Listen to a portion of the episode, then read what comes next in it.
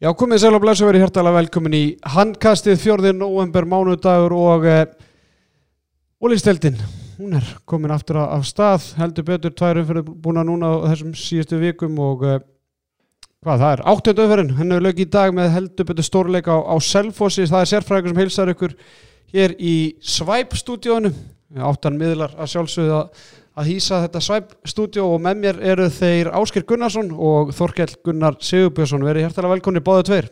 Takk fyrir kælega Er ég þá Ponsan í kvöld eða? ja, Þú ert Pónsan og, og Gunni, Geri, þú ert hérna Stimmi Snekes. Fílaða. Fílari, já. Svona svipað svipa skeggrút. Þú voru að vera með eitthvað dólk á Twitter og eftir að Já, ekki að leifa bara samt hérna e, Sigga Sæðli að sjá um það. Já. hann er ekki svolítið bara í því. Meir, Meirum það síðar, ræðum að segja það eftir Herru, við erum að sjálfsög í, í bóði BK Kjúklings. Uh, Halli á BK er sennilega ekki glaðasti maðurinn í dag. Ég er ykkar með þrjú töp í, röðan en það er alltaf samt gott að kíkja á Halla á, á BK Gili, þú ert nú mikill BK maður. Hann ætla að þínum svona heimaslóðum. Já, nú er ég bara í pjúru þennan matna Ég vil bara fá kjúklingin og ekkert meðlæti og enga sósur. Ertu á keto eða? Nei, hvað er það? Ég, bara, Ég og Geir vorum að fara yfir þetta mataræði hérna fyrir þóttin ég er ekki neinu matari Ég ætla að byrja maður að tala í, í mikrofónin og alveg bara jafnvel sjúan, já eins og þetta er gert hjá, hjá Dodda litla á, á Rástvö var ekki, var ekki Rástvö hérna að sæna Gunnar Birgis? Uh, er það villið sem er það? Pass bara. Já, passum það bara. en, en gerir hvað er þinn uppáhaldsrættur á, á BK? Heru, Ég er eh, taka kjötið út núna að ég er bara í brauðinu. Þannig að ég tek kjúklingalöguna og sleppi kjúklingnum. Já, með, með, vel að sinnum svo eða ekki? Jú, það er nú bara þannig. Herðu, uh, vindum okkur á Selfoss. Selfoss unnu ótrúlegan sigur gegn stjörnun í hörkuleik. Margir vilja meina að bara besti leiku stjörnunar á tíðanbúlinu hafi átt sér stað í kvöld, ég sá nú bara síðustu mínútunar og því ég heyrði það þá bara vonaðist ég svo innilega stjarnamyndun og haldið út í lokavörðinu en, en hvað gerðist, jú, jú, stjarnamissir og, og núlsti í hús. Gili, Bara mánudagsleikur á Selfossi. Hvað sáum við marga mánudagsleiki á Selfossi fyrra sem endu í thriller sem Selfoss vann og, svakalett og alltaf það sama. Haukur Þrastar og Sölvi Óla sagðalmennindir hérna í loki Já, og, og, og fullt hús. Stúkan. Já, já, já, það er alltaf. Fáralega góð mæting hérna og, og það er, það er alltaf sér með að sjá beinar útsendingar eins og segir frá Selfoss sérstaklega mánundaskvöldum klálega og miklu betur eftir að þeir skipt um hús. Nú sér maður eh, actually þegar hotnamennin er að fara inn hann Er það að ekki- hægra megin sko það er ekki ómatt að sjá allan völlin Nei. En þetta var bara, þetta var bara geggjaðu leikur og eins og ég segi, eh, maður var svona eiginlega vonast í þess að að stjarnan myndi nú bara klára þetta og ég held að þetta hafi bara verið þeirra langbesti leikur í, í vetur. hvað, hvað breytist? Það er náttúrulega fá menn inn, ég menn, er þetta ekki besti leikurinn í Óla Bjarka eftir að hann kom inn úr þessum meðslum, hann náttúrulega alltaf mittur kallgreið, Tandri ágættur, Leo var náttúrulega virkilega öflugur í þessu leik og, og svo þó að Sveinbjörn Pétursson sinu kannski ekki í besta formunu en það var náttúrulega, gerði ekki ráð fyrir að hann var að fara að spila eitthvað í, í vetur og þá var hann að taka fullt af, af mikilvægum boltum að það, sko. Mm -hmm. Svo frétt á, á vísi í dag að hvað Haukur Þarstar hefði verið komin eh, eða átt þátt í einhvern hundra mörgum hjá Selfossigum og það breytist ekkert í, í kvöld eh, enda markaðast um áttamörk mörg, mörg og allævar og, og sjösköpu færi endar í Hann er fjóra bara að vera í þessu landslishópa og EM í janúar bara í 16 manna hópnur. Hann er bara undan Kísla Þorgeri og Janussi Daða í kognaröðinni Ég er hættur um staðan það er í dag, sko. Ég er hættur um það En allir ævar, er hann í einhverju landslýsjans? Er Kári Kristján kannski búin að bara hrifsa það allt í hennu bara Ég var pæla sko, eh, svolítið fyndi með hérna Selfoss, þeir eru náttúrulega með eh, Guðna Ingvars líka. Já. Hafði eitthvað pælt í því, þú veist, hvernig þeir eru að skipta þess á milli sín leikjónum eða hvað, því að þegar Guðni kemur inn á sko, eins og hann spilaði F-leikin, fyrsta leikin deilt og var bara með 8 ár 9 og Alltaf meina, er alltaf að segja eitthvað svona fyrir Já, því svo, svo spilar hann bara, hann spila allan leikinu mútið afturöldingu og allega kemur bara ekkert inn á, ég veit ekki hvort hann hafi verið meittur eða hvað. Og, og stendur sér bara mjög vel það, er heldur með 6 úr 8 eða eitthvað, og hérna, svo í þessum leik þá kemur hann ekki inn á fyrir en það eru tímitur eftir, maður skilur ekki alveg svona selfisingar eru náttúrulega bara fárálega hefnir með tvo geggja línumenn, en maður er svona velta fyrir sér sko með Guðna veist, hver er staðan hans hjá Selfoss? Af því þú veist, er hann að leitast eftir því að spila meira og ætti hann þá ekki bara að vera á einhverstað annar staðar? En geti ekki líka verið pæling bara, þú veist, þingdarpunkturinn í honum er náttúrulega frekar neðalega sko og, og, og þá kannski hendar hann á móti ákveðnum tegundum af vörnum eða ákveðnum típum sem standa vörnin á móti. þá kannski heppilega að vera með sko. hann í, í sóknir frekar heldur en, heldur en allavega var. Já, geta alveg verið. Þetta- er þetta er alveg vít allavega, þeir eru mjög ólíki línumenn allavega. Þetta er pæling fyrir lengur að koma Já, En alltaf var vast að gegja þér í þessu leik sko. og- áttamörk og tíu skotum og, svona, hann virðist vera með hann er einn af svona, þessu línmörn sem er með góða nýtingu. Þú bara svona þegar hann fær með boltan og næri að snúa sig þá er þetta bara annarkvæmt markaði viti. Já, ég meina, er, er nokkur annar en bara Kári Kristján í þessum sama klassa af sóknarlínumennum deildarinnar? Er ekki Nei. tveir bestu sóknarlínumenn deildarinnar? Jó, ekki spurning. Ekki. Ég, ekki bara pæling að vera bara með báð inn og haugur þrastar hvað sem er gerir allt annað fyrir utan en að óþarf að vera með þrjá fyrir utan bara, bara einn og ég vil þrjá á línunni Jú, svo er það svo, svo var hérna eh, í loka sókninni þegar sáu þeir tóku já, ég hérna tók að haugu út haug út, samt einu færri já. á svolítið sérstakt, eða ekki já, en ég meina þeir hugsaðu örgulega bara hann á að velja og vonandi er einhver annar sem Já, en alltaf var alveg hann eitt bara fyrir miðju sko, þetta er En, en því að ég sá að Jón Gunnar hann heldur meina í útsendinguna að dómarnir hafa eitthvað fallið eða dómarnir hafa eitthvað fallið með selvfýsingum Kilis, varstu eitthvað var, var við það? Nei, ég held að þessi bara, nei, ég bara mest lítið Já. það að segja, sko. Það, örgulega, það er ekkert þess að fara í, í, Nei, þetta fínustu hjá Rúnari Sittriks og félögum, sko. er svona típist eitthvað svona dómar eftir dómar En mér stjórnum menn þeir eru bara fallsæti eftir átta umfyrir eitt sigur í fyrsta átta leikjónum, tvö jætteflu og fimm töp en þeir, menn vilja meina að þetta hafi verið þeirra besti leikur í, í vetur og Það það, er eini sigurinn hvað er það, HK eða? já, er ekki Jú, sem er langlegasta lið deildarinnar. Þannig að þetta er svona Jætteflundi Káa, Unnu, Háká jafntöfluðu fjölinni hitt. Un, já, unnu sko háka með fjórum og jaft í hálfleik og, og það var ekki bara nefnum að skýta kapla í háka fyrir setnáleik sem þetta fer til stjórnumanna að þeir voru flottir í dag eða í kvöld og, og hérna eins og segir að Óli Bjarki var með einhverjar þrjár geggja slumur hana í, í, í fyriráleik og kannski bara eins og menn á líka verið að benda á að, að hérna hann er ekkert að rúlla liðinu rosalega mikið, Rúnar. Ég er ekkert með það mikla breytt þannig að það er frábæra fyrstu sjö ef allir eru heilir en Já, Þess en eru þeir samt ekki ágættir hann þessir hann Gunnar Valdimar og já, þeir eru bara orðin einhverjum þvílíku hlutverki í stjórnan Gunnar Valdimar og hérna að skora þar. Já, já, en að því að hann rúlar bara mjög lítið sko, og maður sér það svona eins og í þessu leik þeir virtust eru orðnir frekar svona þreyttir þessir eh, þrír fyrir utan.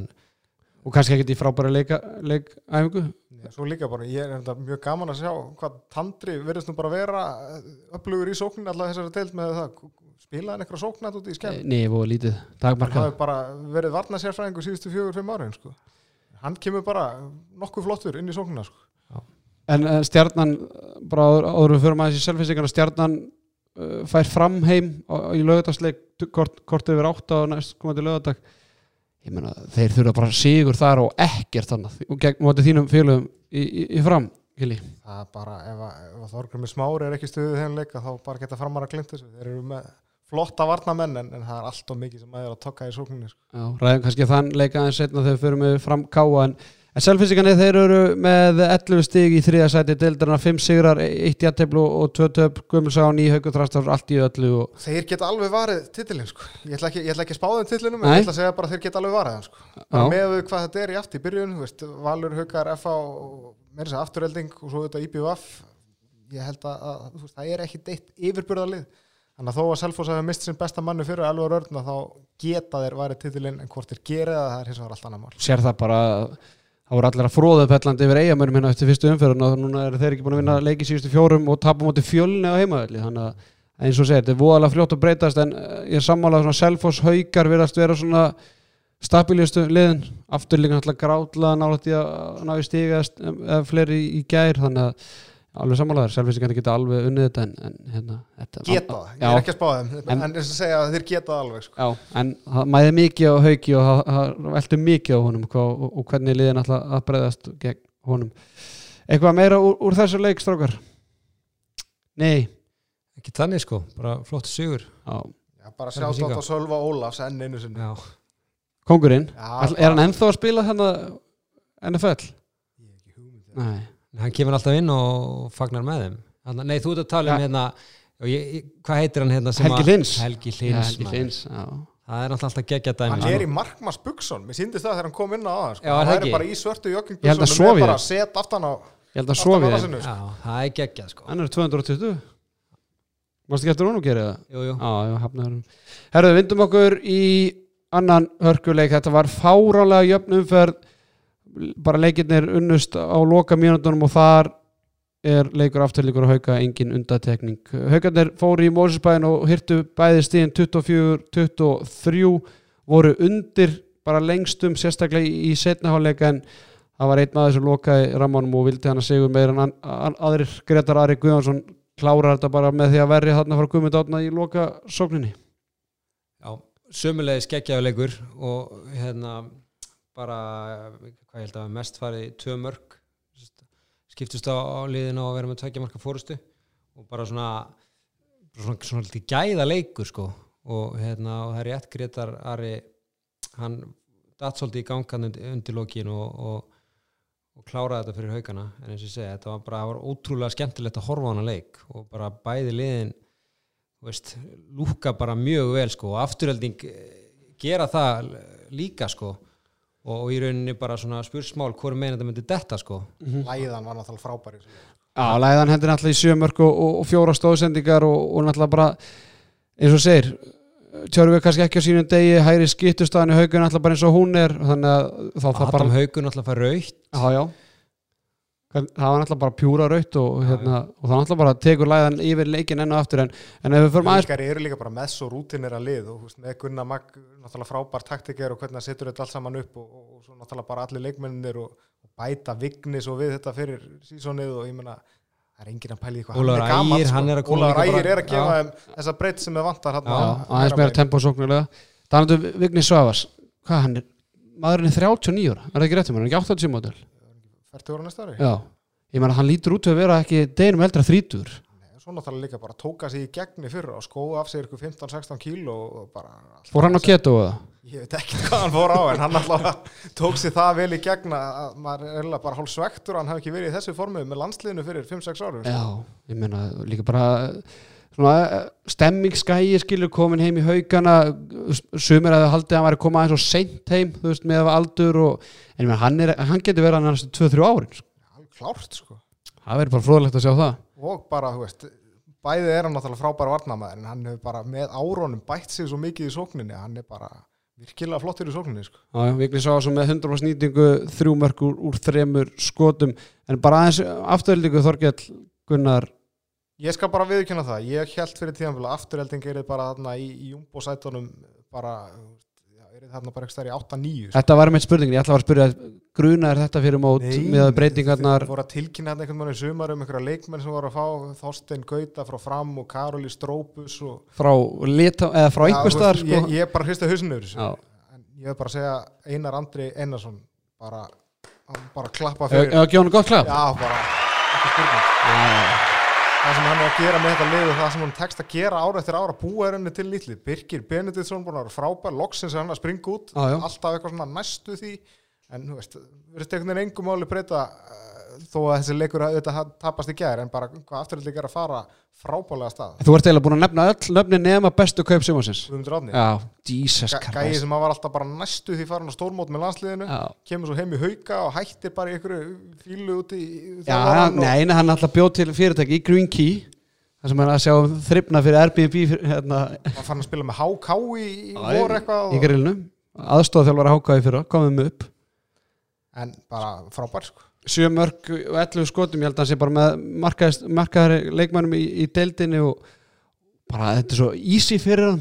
Það er bara grátlegt að það er svona bara að er hann sem hafi klikkað lokaskotun í, í gerð þegar hann fór inn þá hugsaði bara já ok, voru þetta enn eitt jafntefli. náttúrulega ekki gert í hverjuleik hvað var það fyrir svona mánuði síðan sem að skoraði mitt sigumark, alveg bara flautumark sko. er hann hann ekki á móti hverjum En Karol Strópes, mér finnst hann einmitt vera svona léttast og aðeins svona komast í meira tempo og mér finnst hann alltaf, ég meina, Teddy hlóa hann með þetta fyrir sko þrem, fjórum vikum síðan, bara skildi þetta ekki. Mér finnst hann vera að komast í meira takt og hann fann að spila hann meira sóknarbolta og var svona, ég, ég er alltaf fann að trúa eins meira þegar hann er með boltan að það ger, gerist eitthvað gott fyrir eitthvað slæmt. Já, mér er algjörlega sammálaði og hérna bæði sko úr honum og líka reynda Þorstinu Gauta eru þeir að fá svona mörg bara einhvern veginn utan á velli svona eiginlega bara út úr engu sko. Á sem sem maður horfði á leikin í, í gæra þá hugsaði maður að hauka þeir áttu svona auðveldara með að skora. Það virtist vera meira svona taktur í sóknarlegnum þeirra. Tjörfið náttúrulega stýra þessu og allt svona en svo bara eins og með afturöldingu þegar bara, ég held að vera tvísar rauða sem hendi var komin upp og þá liftir Þorstedt Gauti sér bara upp fyrir utan og kemur eitthvað, hann ætla með fárálega skótstíl og, og sama með Strópus, svona þungar reyfingar samt, mjög sterkar og, og var að koma með geggjumörk inn í þetta fyrir þá sko Ástuð Gauti er náttúrulega bara leikmaður sem þeir líka bara eftir hvort þjálfarinn kunna nota hann sko. Ég Einmitt. Gulli notaði hann ekki deilaði fram sko. svo kemur Gummi Páls og tekur við og þá er hann alltaf inn komin í svaka rullu og átti fullt af flottu leikjum sérstaklega náttúrulega fyrsta árið að Gumma þegar við fóru þannig undanúsliti í Íslandsmóti Einmitt. En uh, svona, svona vendupunktur í leiknum sem ég held að yrði það er náttúrulega þegar Ásker Örd tvær, tvær myndir fyrir þetta olbóskot, fjóra myndir í kjölfarið haugarnir þá tveimu farri og, voru síðan einu farri í fjóra myndir þá held ég að afturhaldum myndi klára þetta, senda smá skýr skilabóð, klára haugamenn á heimaölli en allt fór fyrir ekki og, og bara svona fullt fyrir afturhaldum klára ekki hann leik f- góð mæting og, og svona, bara svona senda skilabóð þess Já, en samt að, að samanskapi þá bara, þú veist, þetta hefði getað fallið konum megin sko Já, já, en Sko- það gerir það ekki sko. Nei, og, eins og segir að fá hann að tvis og tvær og þess að Gunni Magg fyrir gulda og Bekkin líka og það var allt svona einhvern veginn á mótið þeim sko en eh, og ég segi, leikurinn var bara mest tvö mörg og mann svo sem ekki nákvæmlega gerist á þessum kabla Nei, var, ég held að það bara sá kapla að vera 1-0 fyrir aftur líka 2-1 eða 2-2 Já, sko. nákvæmlega, bara vel gert haukar sko en, en og ég segja, þetta var bara svo ótrúlega jafn leikur að hérna, ég held að afturölding séu, þú veist, þeir eru auðvitað svektir en þeir eru ekkit eh, þú veist, þetta er ekkit þetta er engin heimsendur fyrir þá sko. Haukarnir á toppnum með 14 stig 6 sigur og 2 játtöflu og ekkert tap eina liði sem er ennþá taplaust. Þeir verða deildarmestarar í hundraðasta skipti. Er þá ekki s- bara setja ykkur master bara coach bara á Gunnar Magg bara, þú veist, þú ert búin að mastera þessa deild? Jú, líka bara, þú veist mér veist eins og, ég sendi nú á þig hérna í gær, að hérna mér veist eins og í fyrra Gunni Magg hefði svolítið svona verið að afsaka svona sig og spilamennskuna og var svona að segja já við erum nú samt deildamestarar og svo komast þeir í úrslit og geggja imi við Selfoss og sama núna í byrjun tímabils Engin sáttur samt sem Nei, áður þú sko. veist, eh, vinna hérna þessi fyrstu fjóra leiki og þá er áhættur og lélugu liðin og hann svo já, já, við vitum það nú alveg og við erum svo meðsli og svona svo er það bara á toppnum, bara taplausir og þú veist, hann er bara kóngurinn sko Hjálpaði ekki líka bara hvað er þessi útreið sem við fengum í Evrópukeppni þarna í byrjun haus það hlýtur að hafa aðeins Í Tékklandi? Lamið á saman svona, við erum ekki á betri stað en þetta Já, og svo mæta bara í sko. deildina og fyrir utan það að bara- að koma með tvo alvöru leiki áður en að deildin byrjar það hlýtur líka að munna Það er mjög sko. mikilvægt Það er bara mjög mikilvægt og, og hérna hefur sínt sig, menn að F-fáðan grættu mikið á því að fá þess að og mér finnst hann bara vera alltaf hóvar kallinn sko hann var bara hérna Það er alveg ástæð fyrir að hann er búin að vera aðstofa landslýþjálfari hjá bara nánast hverjum einasta landslýþjálfari núna síðustu 12-14 ári einmitt. Það er það. Herðu, uh, haugarnir á, á topnum með læðuna á, á eldi. Þannig, að- og frendiðin hann meittur aftur læri Kili, en ekki frendiðin, Brynjólfur Snæri Ejólfur, Já, Eyjólfur, já, frendi það frendi konar Brynjólfur Snæri meittur og, og, og svo skils mér að það stýttist í orða Freyð Þorkelsson þannig að breytin verður bara meira og meira hjá haugunum það er ekki að spyrja því. Herðu, vindum okkur í einn ótrúlegasta sigur bara djöflisins, getur við ekki sagt það á þess að nefna Jú. leik, leikin það er bara King Kári Garðas Já, Ká, Kári við tröst Erum fjölinsmenn, þeir fóru til Eyja og unnu einsmark sigur gegn IBF liðinu sem allir voru búin að lofsingja og bara búin að lánast aðfenda þeim titilinn eh, fyrir ykkur nokkru vikum. En, en fjölinsmenn, þeir fóru bara sigur holmi 30-20 og nýju svakalu kapli undir lokleiks þar sem þeir bara innsigla þennan sigur. Hvað voru ekki, komin þremur yfir Fjórum 29-25 og Bergur Eli Rúnarsson hann fær gott klapp frá handkastinu. Fimmur Heru, grænlega skýtt og orta eitthvað villus að taka, hann er bara eins og það er. En Bergur Eli Rúnarsson með fimm mörg úr sjöskotum Brynjar Loftsson fimm, þetta er hotnamennir henda í tíu mörg, Arna Máni fjögur og fjórum, Björgun Páll fjögur og fjórum Breki Dags fjógur og ellefu. Svo hann hann í vördunni, er Bryn, Brynjólfur Óli. Já, Brynjar Óli, hann var mjög góður já, hann hendi í sex stóðsendingar drengurinn Fjölinsmenn, þeir samt bara með átta varða bolta á, á meðan eigamennir, þeir geta státt að segja því að Pétur Jókanovits eða Pétur Jóhann hafa með tíu varða bolta og Björn Viðar sex hann að það nú ekki hægt að skrifa þetta markvæslens og, og margóft en, en þessi sigurstrákar hefði einhvern veginn að trúa því ef þið læsa á textarfinu í gamla daga. Myndi ekki halda þetta að vera bara einhver innslata vill að textarfinu það Jú, jú, ekki spurning sko en, en bara Kári gaf fórsmekki þegar hann fór í hérna þessar Facebook-kynningar með Gústa Jó hérna um helgina og voru að melda sig inn hérna á einhverja ólíklegustu staði sko. Þannig að bara síndu svona hvað hva tögarnar voru, voru léttar hjá Kára fyrir þetta og svo mætir hann með veist, það er bara svo mikið, mikið hjarta og sáli í þessu er náttúrulega enga að tapa. Mestmægnis uppaldir gaurar og, og, og bara veist, voru að spila saman hann í fyrra hefðu náttúrulega átt að vera í byggarúslitum og þessi rúnasinnir hérna bræðnir, ég fíla algjörlega í bótt sko, það er svo mikill kraftur í þessum gæðum sko og þú veit að breki og, og, og fleiri sko, þannig að ég bara ég held svolítið með þessu fjölninsliði en það veist að er sem framari að þá getur það kannski komið í baki á mér að þeir getur verið í, í baráttinu um, um að halda sér uppi sko. Uh, IBF þeir tapa þarna með einu marki uh, aðteklisverð tölfræði að síðustu sex á IBF hafa ráðist á einu marki. Það er ótrúlega, þeir vinna FA með einu uh, vinna Val með einu tapa á móti Selfossi með einu móti Afturlík með einu Jattar móti Haukum og síðan tapa á móti Fjölni með einu. Það er ótrúlega tölfræði. Já, og, og, og sko óháð því hvort að þeir hafi náði gegja jættefli gegn haugum í, í leiknum undan þá auðvitað eins og þið segið, veist, maður hefði aldrei trúað þessu fyrir leik að fjölnir var að fara til eiga og, og, vin- og vinna í BVF þetta er eiginlega bara fáránlegt sko. Þetta er með ólíkitum og, og líka bara töluðum það í, í setni bylginni í síðastu umferð eftir síðasta tapa mér er tapað nýju mörgum að heima öllum átti val og það var ekkert að frétta. Og ég held að Jóhann Gunnar hafi nefnt það í, í þessum títnefnda þætti að hvort að þetta partíu væri bara búið. Já, eins og ég segi, mér finnst samt sko fjölun mun tapa fleiri leikjum svoleiðis en ef þeir halda áfram að reyta ykkur svona stig þá geta þeir alveg bjarga sér og, og hérna, ef þeir gera það þá er það eins og ég segi, þessi sál í þessu liði, það er eitthvað það er eitthvað kraftur og sál sem er þarna sem er alls ekki til dæmis hjá hinnum nýleganum sko. að ég upplifa allavega ekki henni Þetta er náttúrulega spurning náttúrulega, þeir eru búin að vera í meðslum og hérna, svo er þetta líka bara spurning vinna eins og segja, vinna réttu leikin en fyrirfram var þetta kannski ekki rétti leikur þannig að þeir hefðu nú geta kastað inn hanglaðin en Þetta skiptir svo miklu meira máli fyrir þá. IBVF er alltaf í úslitakeppnina og ná upp einhverju eiga stemmingu geta þeir farið mjög langt þar og þess vegna allar leið sko. fjölnir það náttúrulega bara að reyta sín stig til þess að halda sér uppi. Já, þeir, þeir þurfa að halda öllum leikjum eins lengi og þeir geta í leik til að halda í barátuna svo leiðu þeir lendi kannski einhverjum 3, 4, 5 mörgum undir þá kannski verður þetta erfiðara fyrir þá. Já, en samt, þú veist, það var þannig á móti FH, þú veist, þeir FH snýru svo við og, og náðu svo held ég upp í þrjú eða fjögur mörg og svo koma þeir einhvern veginn alltaf aftur.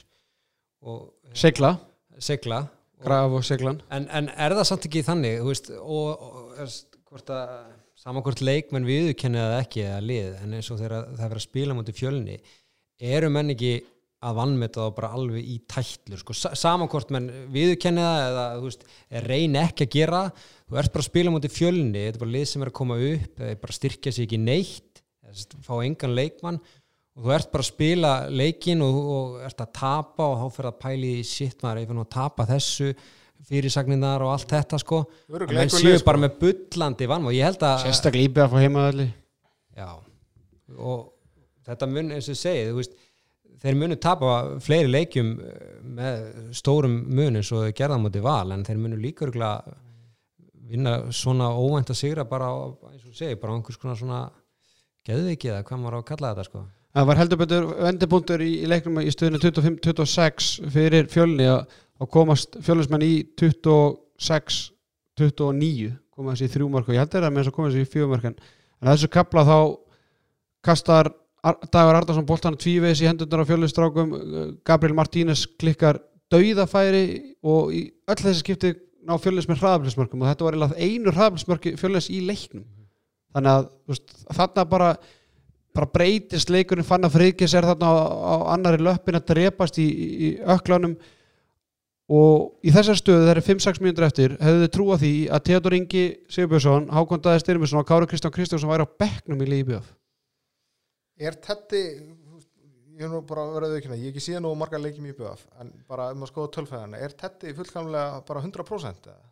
Ég held það Ég menna, já, hann segist alltaf að vera það Okay. þá er hann inn, mikið inni hann á mikið inni, það er alveg hárið rétt og er ennþá bara svona koma sér í gang en náttúrulega bara áttuðum fyrir búnar og mistin annars bara af öllu tíðanbæli fyrra en, en bara svona, svona momenti, ég meina svo Gabriel hann klikkar skotinu í lokinn sem hann getur jafna leik þannig að bursið frá það að dagur klikki hérna þremur boltum og þá er Gabriel Martínez fær tvö dauða færi undir lokin og klikka hann báðum og, og sko hittir ekki marki í bæðiskinn það var bara eitthvað svona vonleysi yfir bara, eh, það virtist vera bara öllum að nú, maður hlustaði nú á hérna þess að tvo sem voru að lýsa. Sika bara á nú- þeir voru nú hérna, þeir voru nú orðin freka pyrraðar á þessu líka.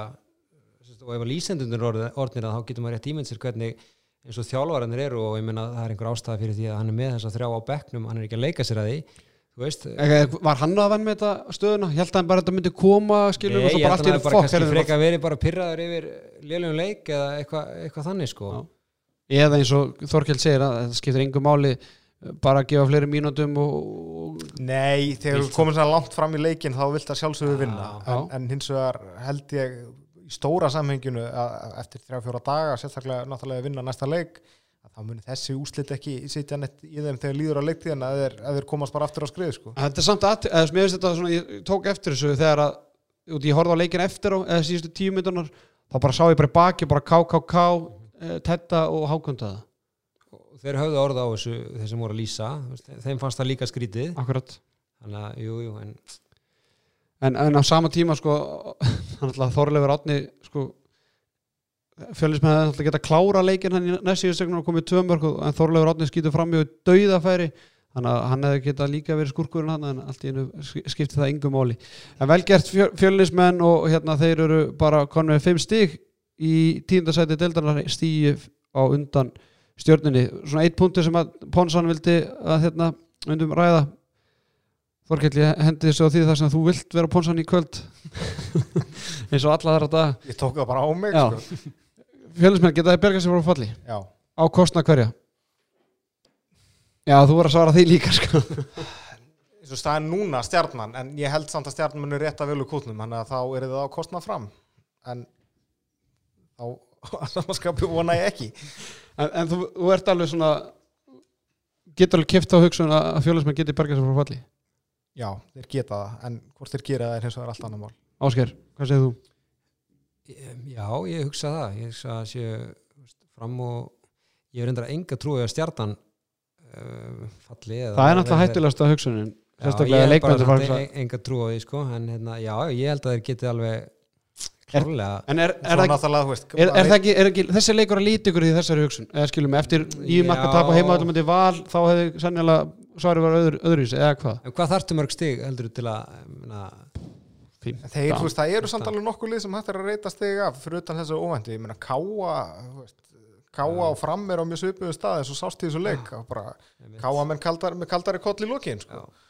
Þannig að Káa geti alveg verið í þessari baráttu líka Sér það að Akureyri fellir í fyrra með 12 stygg fram held sér í 10. set með 15 stygg þannig að ætlum við að þurfum ekki að ná svona 15 styggum en það samanskapið er náttúrulega fekk gróta 8 stygg fyrra og það ver- verðist allt lítið út verið að háká á 0 stygg þannig að það verður kannski 4 stygg viðbútt sem þar kannski að ná. Ef reikningur er Þeir sér fá frá ekki núl, þeir munu taka eitthvað óvæntan, einn, tvo, eitthvað staðar. Það er þannig. Hefur eitthvað fengið núl á síðust árum? eða? var ekki vikingandi nálætt í á sín tíma? Þannig að í setna skiptið. Það- íhá einu útlit- svona eitt stig. Svo sem ekkert útlitt fyrir að háká sig að fara að vinna eitthvað leik á, á næstunni en, en það mun öruglega gera samt eitthvað mjög óvænt eitthvað tíma en IBF varst að tala um að Selfoss geti hérna haldið í hann stóra? IBF er Já, þess að segja bara, þegar úslita keppnu byrjar þá keiri stemmingin og allt fyrir á, fyrir á hliðina hann eigum og þá bara byrja ný keppni þannig að þeir halda sér bara í já, helst topp fjórum þannig að ég ætla með heimalega rétt í, í áttalega þá bara eru er þeir í business sko. Já. Herðu, uh, þá var yfirferð okkar um þennan ótrúlega sigur fjölinsmanna lokið til hafingi fjölinsmanna enn og aftur og, og velkert gaman að fá svona óvænt úslit í, í deildina. Herðu, förum í, í krigan þar sem að F-fáingar unnu hvað segir við? Auðveldan sigur á HK en samt ekki enda með enda með því að vinna tveggjamarka sigur 29-27 eftir að við 16-9 yfir í, í háleik uh, Áspjörn Fredriksson með 5 mörg úr 12 skotum Geri, er hægt að segja hann að það verið svolítið off í eða? já, Samt Bara- endara markaðastur já, með 6 stóðsendingar já. Birgir Már Birgisson með 5 mörg úr 6 skotum og Bjarni Ófeð með 5 úr 8 Já, HK var Garðar Svansson markaðastur með 7 mörg og Kristján Otto Hjálmarsson 6, Pétur Átni Haugsson með 5 Pétur Átni með 6 tafa bolta, ég held að Pétur Átni sem er flestu tapaða bolta í deildinni hinga til þannig að það er greinilega fyrir þá sem að nenni ekki að æfa á sumrin eða get ekki eftir á sumrin eða eitthvað blá blá það skiptir máli að æfa á sumrin því að Pétur náttúrulega var bara í fótbolta í sumar og kom svo bara hann að viku fyrir mót og það er, er að segja sitt í töfum boltum.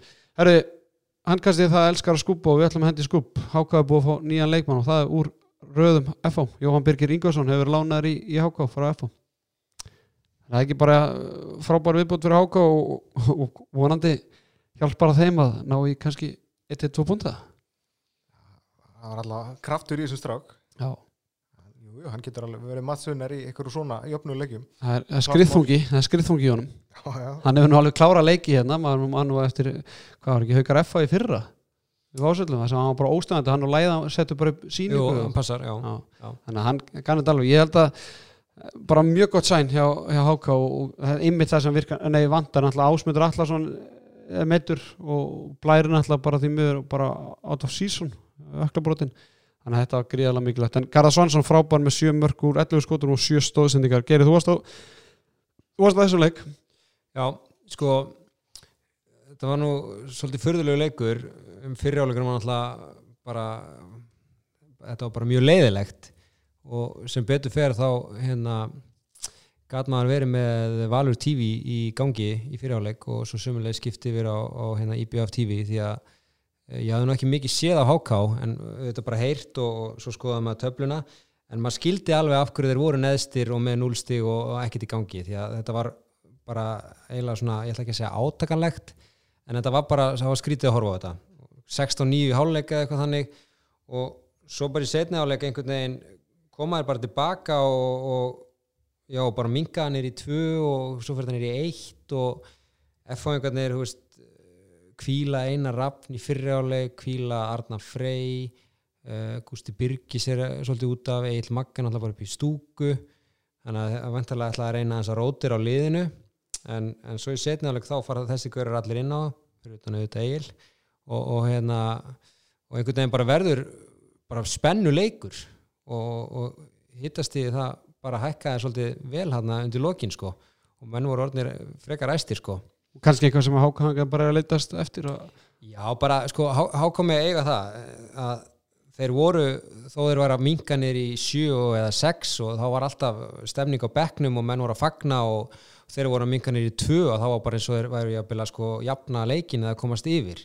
Þannig að það var, það var mjög mikið passjón og bara í setnáleg þá bara svona einhvern veginn róuðu sig, hættu sem, ég held að þessi flestir þessi töpum boltum hjá hann Pétri að hann bara verið í fyrirjáleik róuðu sig svona aðeins og fóru bara að spila vel og opnuðu F-fengar nánast bara í hverju einustu sókn. Línusendingar og sendingar nýri hotn og þetta var, þetta var eins og ég segi, þetta var svolítið skrítin leikur sko. Náttúrulega Kelið, náttúrulega svona nýja rattir í, í, þættinu þóttu hann og kom í heimsókn í fyrra en svona þitt teika á þessu háká og, og hérna lið sem endar í sjötta sett í grillinu og jari, jari, jari. Náttúrulega ég held að þegar réðu Elias Má hann í hann náttúrulega ætlaði ekkert upp sko. Nei, ég, mena, ég held að hann hafi ekki gert ráð fyrir því að vera að taka við liði sem var í, að fara að spila hann í ætlaði að byggja upp lið í grillinu til að bara vera samkjæmnisæft árið setna Þannig að þeir hafa náttúrulega bara engu að tapa. Ef fjölnir hefur eitthvað að tapa þá er HK náttúrulega bara ennþá minna að tapa. Þannig að þeir eru bara þarna, veist, spáðum allir niður þar með bara þeir sjálfur, ég sko. þeir sjálfur. Nei, ég segi það nú kannski ekki, þeir hljóta nú vonandi, ætla ég að vona að hafa eitthvað að trúa sér hann en, en þeir munu taka ykkur stig, hvenar það verður, veit ég ekki, þeir bara halda náttúrulega áfram að slípa sér saman en, en, en ef að menn, einmitt, ef, að, ef að þetta var málið á FA í svo leik, nú sagði við ekki leikin að þeir hafa verið að, að steini ertalega verið að rótir eitthvað og vonandi, ég hugsanlega séð háká sem möguleika til þess að að geta verið að spila menn betur inn í liðið að þá náttúrulega ef að ykkur fer í þetta vannmatt að þá ef við getum kallað þetta vannmatt að Já, þá náttúrulega getur háká alveg í, í nokkuð jöfnuleik bara veist, með fæfum á bekknum og einmitt. Teki, ég- ég- stig sko. einmitt, ég held sko, veist auðvitað þeir sem hann er að rótara inn eru svo sem auðvitað topp leikmenn og allt hann Einar Sindra og ég Ísak Raps er að koma inn og svo kemur Leonard og hann er alveg svona já, ég veit ekki hvort það er kallt að vannmat en, en klálega leikur til þess að spila menn inn, það er ekki spurning sko. En þú veist, maður ma pælir svolítið í þessu eh, eins og með Háká, eins og segir. Elias Már, hérna var hjónu eftir í, í viðtali eftir síðasta leika, þá var hann að minna á þetta þeir hefðu nú bara lent í í fimmtasæti í grillinu og, og, og allt það. En það er rosalega mikilvægt uh, auðvitað að það séu allir meðvitaðir samt um það því að hversu oft hefur maður séð að, að lið bara tapa og tapa og tapa og þá fyrir þetta alltaf að vera þingra og þingra því að menn náttúrulega alltaf að mæta á æfingar og þó svo þeir að við tapa bara með tveim eða einu fyrir FH þá eru þau samt bara með 0 stig og þú veist menn þurfa bara að vera svolítið, já, svolítið að minna sig á þetta, þú veist, hvað er virkilega hérna, hvert markmið er hvað, hvað, hvað það var sko. Því að náttúrulega annað en fjölusmenn þá, þá náttúrulega styrkja þessi samt. Ég menna þeir sækja einhverja fjóra leikmenn. Sem er ekkit endilega að vita hvort að þeir verða áfram þegar þeir falla en það er kannski meiri trú á fjölusmennir eða þeir falla og kannski verða þær áfram í fjölni. Þannig að það getur flosta svolítið upp úr þessu Já, maður hákalið veit ekki alveg hvert þeir ákvæður að fara með þessu sko. En svo náttúrulega getur líka samt verið í húfi fyrir þá að tjálta öllu til, reyna að halda sér uppi og vona að þeir geti náði þessa uppöldu hákáðinga sem að verðast nú allir að að spila í Garðabænum sko. Já, einmitt. Af Því að ef að, þú veist, ég að fyrsta val hefur þetta verið til þessi Ólafi Bjarka sem er náttúrulega hákáðingur ef hákáð hefur uppi, eða hann örgulega hugsa sér tvisvar hann um. að búin að semja við stjörnuna sko áður en þeir fóru upp Já, já, ég meina, hann hefur samt örgulega, ég er ekki að segja hann hefur farið í hákáð, en hann hefur allavega, þú veist, þurft að sofa vel á því, sko, hann Já, Þetta gæti alveg verið húið sko. fyrir hákáðinga að reyna að ná í, veist, Leo, svo- Andri, allir þessi gæjar. Svo var einhver sem bent á það hvort að hérna farin hann úr Káa hérna, stóri eh, Tarik Já, já. hann var í farin hvort að ég man nú ekki hver það var einhver á Twitter að, hérna, hvort að Háka ætti ekki bara ringja beint í hann. Veist, er, er það eitthvað skilur eins og fyrir Háka ég meina eins og segir, öllu til ég meina núna erum við núlstig eftir þú veist, 7-8 umferðir og, og þú veist, eiga menn þá fara að sækja útlending til að reyna að bjarga þessu, er þetta bara búið? Svo Þú er náttúrulega hinn hliðin á peningum, sko, ef þeir bara falla með fjögur stig eða hva, hvað það verður í vor, að vilja þeir þá vera skilja til sviðina jörð að vera að einmitt. draga inn einhverja útlendinga og einhverja málarlega þarna sem að munu geta mismikið í staðin fyrir að gefa þá bara einhverjum uppöldum pegjum séns. Já, algjörlega sko. Og þú veist, og eins og þú segir ég en það er svarað þessu. Já, og ég vil meina að þetta sé viljandi á Káa en félagskeptaglugin lokaði um ánamótin þannig að það var Káa viljandi að rifta samningi Tarik annan nóvambur, fyrsta nóvambur eftir að félagskeptaglugin lokar já. og nú vil ég frá, frá fréttamannin Þorkil Gunnar hérna í setti Þú ert bara að segja mig fréttir, sko. en ég er náttúrulega að hugsa þetta, ég hugsa að ég ekki fá Tarik í grótuna Nei, ég hugsa náttúrulega hvað lið geti fengið hann fram HK og svo fatta ég Það er náttúrulega bara glöggin lokaði lengi. Hann er lokað til uh, ég, gerðu vast að spyrja með hann ég skal finna það HSI en ég veit að sko lán veist, þú getur fengið lán eins og Jó, Jóhann Birgir getur farið núna á lán í hérna í, Það er bara að fara að lána það frá Káa. já hann er búið að rifta samningum sko þannig að Já, einu meina hann er samt þó þeir séu búin að rifta þá lítur hann að vera með veist, skráður í Káa samt á HSI eða eitthvað. Hann er náttúrulega skráður í Káa í HSI gagnagrunnu þar til hann far félagskipti annað. já en þá náttúrulega bara þá til hvers að með að, lána til annar februar en skilur við með ég veit ekki, ég bara...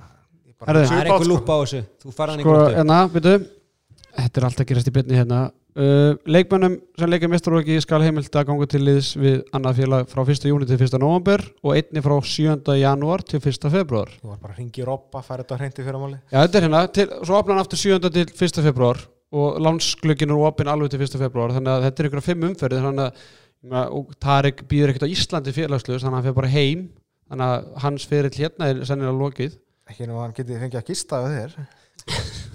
ég er ekki með auka herbyggi þannig að hann er bara og það Sófinn. er. Sófinn, já, ég held að Sófinn er alltaf lítill fyrir Tarik Kasimovit sko. en hérna en, er, er, er, er, er sérfræðingurinn að nei, þetta eða? Já, ég vil setja það það? sko. Já, ég hugsa það En, þú veist, óhóð því hvort að hérna, hákáði að sækja hann eða einhvern útlending eða eitthvað Ég held bara, punkturinn var bara sá að veist, þeir eru að leggja upp með einhvers konar vegferð núna Elias Már að taka við og er yfir öllu yngri lokastarfinu skilsmanni og er að gera mjög flott þar að menn séu bara svolítið svona dugleir að minna sig á það þú veist, á hvaða forsöndum þeir eru þarna í þessari deild sko, verandi fimmtasætti í, í grillinu í fyrra og, og með núlstig eftir hvað er áttan fyrir búnar Já. Já.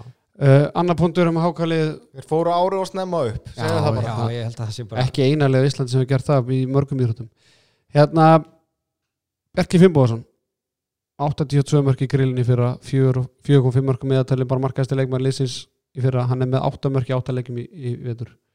Það er svona ein, ein vonbriðin í hákarliðinu finnst mér, það, að vera, það var margir spenntir að sjá hann. Þetta var svona leikmaður sem að mörg, eða svona lið í ólisteldinu höfðu alveg hort til og fannst það spennandi en, en hann hefur bara ekki verið líku sjálfur sér í mót svo það er ekki þetta að fela sér alltaf baku það að vera bara í háka og, og leikmenn þurfa alltaf að performera.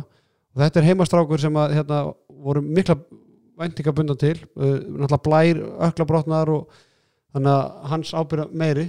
Þannig að mér finnst að Bjarki Fimboðsson þurfa aðeins að stígu upp og, og sína meira því að segi það, fólk var spennt að sjá hann í ólistildinu og, og sjá hann að spreita sig gegn þeim bestu, ekki vera að spreita sig bara móti einhverjum úlíkum í, í grillinu. Þannig að áttamörki áttalegjum er ekki ekki nægilega gott sko ég er nú eiginlega bara viðkynna ég veit ekki hver þetta er sko. Nei, það er nú bara eins og það er. Já, ég er svona og bara eins og með hákalið bara eiginlega Bara- bara heild sko, ég eiginlega einu sem að þekkti þarna var Davíð Svans og, og Pétur Átni og hérna þeir sem komu fyrir tímabil sko, þannig að ég var nú aðeins að fara kannski að vinna heima en að varandi það sko. Garðar, var hann ekki hann Jú, auðvitað Garðar Svans. Garðarsvans, já, Já. já. Var hann ekki meira sem bara Íslandsmeistara leginu Háka, 2012 Jú, svo fór hann til FH já, já, og afturölding og ég veit ekki hvað og hvað Herðu, ekki meira um þennan leik. Hákaðingar með, með núlstig Þorkell vill meina það að þeir bjargir sér frá falli en ég vil meina það þau fáið stig. Já, það er jákvæmt Já, já. Það jákvæmt Þetta var, þú veist, þetta var flottu leikur hjá þeim, Já. sérstaklega setni áleikurinn En það er bara ekki, ekki nóg. Herðu, förum í á hlýðarendu í Óreikuhöllina þar sem að valsmenn unnu 23-20 sigur á Íringum þriðji tapleikur Íringa í röð bara eftir að Bjarni Friðsson var í símaðutölu við sérfræðinginni í handkastinu þá er bara ekki komið sigur þetta er svona Rapp Markus hérna. Í þetta var samt náttúrulega bara Hreiðar Levi lokaði sér í lokin og það staðan var náttúrulega 20-20 hvað gerist í 2020? Sástu hvað Siggi Ingeberg sett á Twitter í dag? Vítið? Ertu ekki búin að sjá Jú, þetta? jú, jú, bara reyfið þetta upp samt Alltaf staðinu 2020 lítið eftir Var og það það sem að fyrir að, tala um eitthvað. Ímir Örd Gíslason fær víti frá Jóni Karli Björnssoni sem var bara eitthvað mesta gjöf sem bara eða, þú veist, ég er ekki að djóka, þetta var með ólíkjum það var bara ekki ekki víti, það var ekki í einhvern sko, nálagt ími í þessu færi og það var víti og tvær og hérna og í kjölfarið þá bara Siggi svo pyrraðar hann bara upp. En Siggi hann var bara bensaður í gær hann var bara byrjaður á bekknum. Já, já, svo kemur hann inn á það er náttúrulega sko, staðan er náttúrulega 8-2 á 2004 mínútu. Já. Og þetta var svona, Skoruðu hvað, tvö fyrstu hvað, 20, nei hvað já, var það? 24 Já, mínútur ég held að, náðu held ég átta Voru skotum á bara, markið. hvað, fjórum undir í hálfleika já. Þetta var nefnilega þú veist, aftur, þetta var skrítin leikur sko, af því að valsmenn voru ekkert að spila eitthvað frábærlega. Þeir voru ekkert að ná að keira yfir þá eins og F-fangandi gerðu í, le- eh, fyrst, í um, umfyrirna undan. Og hérna þú veist, 8-2 stull eða klukka, nei, klikka vítum eða víti Ó- ólíkt honum Já, mjög ólíkt honum. Siggi kemur inn á uh, á þessum tímapunkti bara og byrjar hans að verja og þeir byrja að taka þrjú í röð og að því að munun er nú ekki meiri Þannig að Valur, þeir hefðu öruglátt að vera með svona 8-9 mörk í hálfleik með við allt sko Þetta er fyrsta sinn í langan tíma sem að þeir eru allavega, þú veist, með sína príðis góðu varnamenn með ími fremstæni flokki að, að þarna, ná að loka í byrjunleik, sko. Þeir hafa verið að fá rosalega mikið að mörkum á sig á fyrstu mínútonum. Já, Þannig að þetta náttúrulega bara, þegar hólminu komið, náttúrulega skilaði sigrunum að hafa Da- Danni var að verja vel hann í byrjun sko Þú veist, þannig að Eru Valsberg komin í, í gang? Hvað er þetta? Valsvélin Tveir- Hvað er þetta, tveir í röðu? Tveir röð, fjölnir og ír Háká næst Káa heima Stjarnan úti Já, já, þetta er, Fram úti þetta lítur bara á- ágætlega út. Hvað voru þeir fyrir fjölnisleiki búin að vinna? Einn eða tvo? Einn. Sem var fram? Nei, Jú, hann er ekki fram. jú, unnið fram í fyrstu umferð, jú, Já. 2014 í miklu marka leik að þeir náttúrulega eins, og tölum við stjörnuna náttúrulega fullt af leikmennu sem þeir eiga í rauninni inni en þetta hefur náttúrulega bara verið voða skrítin ára yfir þessu öllu þarna á hliðarenda og, og maður skilur ekki alveg af hverju þetta hefur gengið svona illa þó að það vanti menn hann inn en, en þeir hljóta að koma sterkari núna á, á næstu dögum og svo sérstaklega eftir áramóti þeir eru ekki að fara í einhverja æfingabúður til Japan Jú, jú. í, í, tvær vikur og Bara svo annarkvært liðið nánast. Einmitt. Herðu, ég ætla að gefa einum leikmanni val. Gott klart, Finnur Ríki Stefánsson. Velkomin aftur tilbaka eftir meðsli með fimmörk úr, fimm skotum en það er nú ekki sömu að segja, segja um frænda minna Ragnar Smára sem var með 0-5 og Siggi Seðl, hann hlóa hann, hann var með hann í vasan en Siggi var ekki ánæði með það. Hann var, heyrði í mér í dag og hann sagði að hann hafi talaði í yringarna og sagt ekki hleypa Finn inn hann, ég er ekki með hann. Þannig að við vorum meðvitaðar það er gott að Siggi sé meðvitaðar um hverja hann er með í vasanum og hverja ekki. Það var Magna Smári í vasanum en ekki finninga en Siggi hann var, hann var hérna hann var heitur á, á Twitter í dag og aðteklisvægt tweetarna þess að hann síndi klippu frá þessu víti og þar segir hann í kjálfarið þessum að kila hann og tala um á hann gleymist ég þessum æsing að þessi varðið bolti íms, frá ímsa er ekki skráður á HB Stats. Ef leikmaður fær fríkast víti eftir að markmaða ver. Ghost Safe. Fólk pælir af hverju ég væli yfir þessu. Svar, markmenn eru dæmdir á vörðum boltum og prósendu því meiri boltar, því meira cash Ég skal bara alveg ekki þegar ég skrái niður tölfræði ef ég er að lýsa leika eitthvað og skrái niður tölfræði, ég skrái bara varðið skot ef, að, ef að, hérna, leikurinn heldur áfram. Ef leikurinn er stoppa þá skrái ég það ekki á mér og, og bara svona tölfræði sem að sér allavega stórmótum með landsliðum og svolítið, þá er það aldrei skráð. En, en auðvitað skilja markverðina að vilja fá skráðan bolta nánast ykkur einasta sinnstum með klukkan sko. Eina, það eina sem ég spyr skilur þegar að, það er skilur að varið og svo er dæmt viti skilur mig, það er annað þegar Já. að búa að dæma fríkost og menn skjóta eða skilur mig þú verð bara eitthvað dauða færi Er það ekki skráð eða? nei, Það er náttúrulega að vera skráð, ég meina þú bara verð Já, ég er ekki sammála. Er það Bara- ekki? Nei, þú veist ekki með það að gera þú veist, þú, þú fær síðan víti í kjölfarið. Sókninu líkur ekki með skotinu af því að en eða frákast, um að sóknun heldur, heldur ekki, líkur ekki heldur þá. Ef þú verð og það kemur frákast. Hva, hvernig taldi mokkin þetta hérna alltaf í gamla dag 20 varir skot þar á nýju aftur til mótæri já, ég meina það er það ekki eitthvað skilur mig? Jú, jú, ég, Veist, ég, ég þeir þurfa að verja annars, Já, var, annars var þetta bara mark. Ég, ég var hrifun af þessu allavega gam- gamla mokka Já, ég sé- þar af til mótæri Já, ég, ég væri til að, ég held að markmenn myndi samþykja það, því að þeir þurfa að verja, skilur mig, svo ef þeir verja víti þá er það með tvo bara, annars hefði þetta bara verið markað, það er ekki varið fyrir Já, sko. ég er sammála. Þannig að, og e, svo Bergvin Gíslason, hann var líka virkur á Twitter eftir leikinu í dag og hann bara talaði um það, hann hafði panta tíma hjá sjóntækjafræðing fyrir dómarana. og vonandi komaði sterkir tilbaka, sagði Bergvin Gíslason, það er spurning hvort að þetta fari fyrir aganend, einhvern veginn og Agnarsmári dæmdur í bann fyrir eitthvað sem hann sett á Twitter. Já, en sko, e- ef þetta fer fyrir aganemnd sem að er rauninni rökrétt bara með að við hva, hvað hefur verið að gerast núna undanferðinu, en ef það fer fyrir aganemnd er það ekki búið að, að þarna, er ekki komið fordæmis dómur núna hjá aganemndinni að dæma menn ekki í bönn fyrir að, að láta dómar að herra? Já, náttúrulega með þetta veitan til Kitta Guðmunds og, og hérna Donna Já. Já Þú by- uh, við bygg- byggust ekki allir við bannið Jú, þar ekki spurning Ólíkend maður ekki tendið bann En er ekki bara, bara gaman að þessu samt, þú veist, eins og Já, með Sigga, já. hann sé, maður sé að sjá og fá frá leikmönnum einhvers konar svona pillur og annað á Twitter, sko. Það bara, er ekki múlbunda menn, það er náttúrulega alveg út í Já, það, já, sko, já, en algjörlega, það verður þá að vera eitthvað lína í já, þessu, já, sko. menn bara vera kurtið sér, það er bara svona, Herðu, uh, Mikilvægt. annar punktur Áskei Snær Vignesson hægri skipta valsmanna, hann var ekki, bara komst ekki hóp í gær. Þetta er ekki maður sem Gaupi sagði er næsti hérna bara landsliðsmaður, hægra megin Jú, næsti Tari Kvasamúits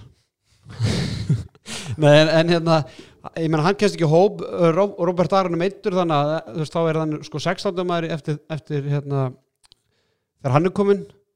Er, er ekki Áskei Snær Vignesson einhver leikmaður sem að liði ólistöndinni getur nota sér og, og bara fá, fá á lán spurning. Snorri, kemur hann ekki bara í ganga aftur Ég meina það er bara, það er erfitt bara að komast í hóp hjá þeim, ég meina þá bara þetta er Arnóns Snær Óskarsson úr, ég meina, er það ekki leikmaður sem á að spila í en svo Jólastönd? meiðist einn einhvern mann skilur Það bara kallar tilbaka. Já, ok. Já, ok, fín pæling. En, en, en, en alltaf auðliðin, þeir hafa auðliðin þannig að þeir geta að spila í, í karillinu Herðu, í eringarnir, þrjú, þrjú tópi röða eftir hérna, drottninga viðtalið Svona bjatta, mændi ekki viðtal. Hvernig er þetta, eh, hérna, fyrstur nú hérna með íþróttafréttamann, er ekki einhvers konar reglur eða svona með eins og þjálfara, eiga er ekki bara mæti viðtöl bara beint eftir að leik líkur eða, það er reglugerð hjá KSI í fótboltanum. Já, þar ber þjálfurum skilda að mæta í viðtal strax eftir leik. Það er bara einhver reglugerð sko. Já, ég er ekki vissum að það sé í handboltanum og, og, og, veist, þetta er þetta bara óskrifu regla eða bara tilmæli sko eiga menn bara að mæta og sína fagmenn sko. Ég menna, sér hverki þú veist, í þessum stóru deildum út í heimi að bara þjálfarinn mæti ekki. Þessu tilviki, Bjarni kom nú með eitthvað skýringu eftir á hann hefði bara verið inn í klef og ekki heyrt bankið og eitthvað og, já, þú veist, ég ætla svo sem ekki að rengja fyrir það en svo náttúrulega líka, hver var að taka viðtölin eftir leik? Var þetta kannski bara einhver ungur strákur frá vísi á sínu þriðja leika eitthvað og bara Já, svona já. kurteis og, og vissi ekki hvað hann átt að gera? Eða, eða var þetta einhver hákall sem bara hefði vaðið inn í klefan og bara drullaðir í viðtal sko það getur auðvitað að spila inn í en, en auðvitað á Bjarni bara ekki að fara inn í klefa. Hann er bara að klára viðtalið og síðan á hann að fara inn í klefa og tala við sína menn og sama hvað þjálfarinn hittir En er þegar það þú spyrir út í það- þetta þá þólið ég það ekki ef maður er að taka viðtalið til leiki og þjálfarinn ætla aðeins að fara inn í klefa. Emitt. mér er bara nákvæmlega sama hvort þú vannst eða tapaði leiknum. Hluti af leiknum er að fara í viðtalið á fjölmiðlum þú gerir það bara strax eftir leik. Þetta er leiðin þín til þess að tala við þína stuðningsmenn hún er í gegnum fjölmiðla þú ert að sína þeim virðingu með þessu. Það snýst ekkit um það hver er að fara að taka við í viðtal hvort sem að það er einhver einmitt strákur sem er kannski svona þriðja leik eða einhver hákall og átt bara að tala af því að þú ert að tala við fólkið ekki við mannin sem er að taka viðtalið. Og, og Það er, oft, er oft miskilningur á milli leikmann og, og þjálfar að halda við sem að gera þetta bara í ykkur út af okkur finnst gaman eða skilur þessi, við séum svo forvitin sko. Nei, ég meina þú líka bara þú veist, nú er ekkert að tala um bjarna, alls ekki. Ég er bara að tala almennt og sama hvað íþrótt það er ég meina, menn ég er líka bara alltaf að halda kúlinu eins og gott dæmi, Jürgen Klopp. Þú sérði ekkert að að hann hann ykkur blaman að fundum fyrir leikið eftir í hjá Leopold að hann tala eitthvað öðruvísi við hann fyrir eftir í hver að spurja úr salnum sko.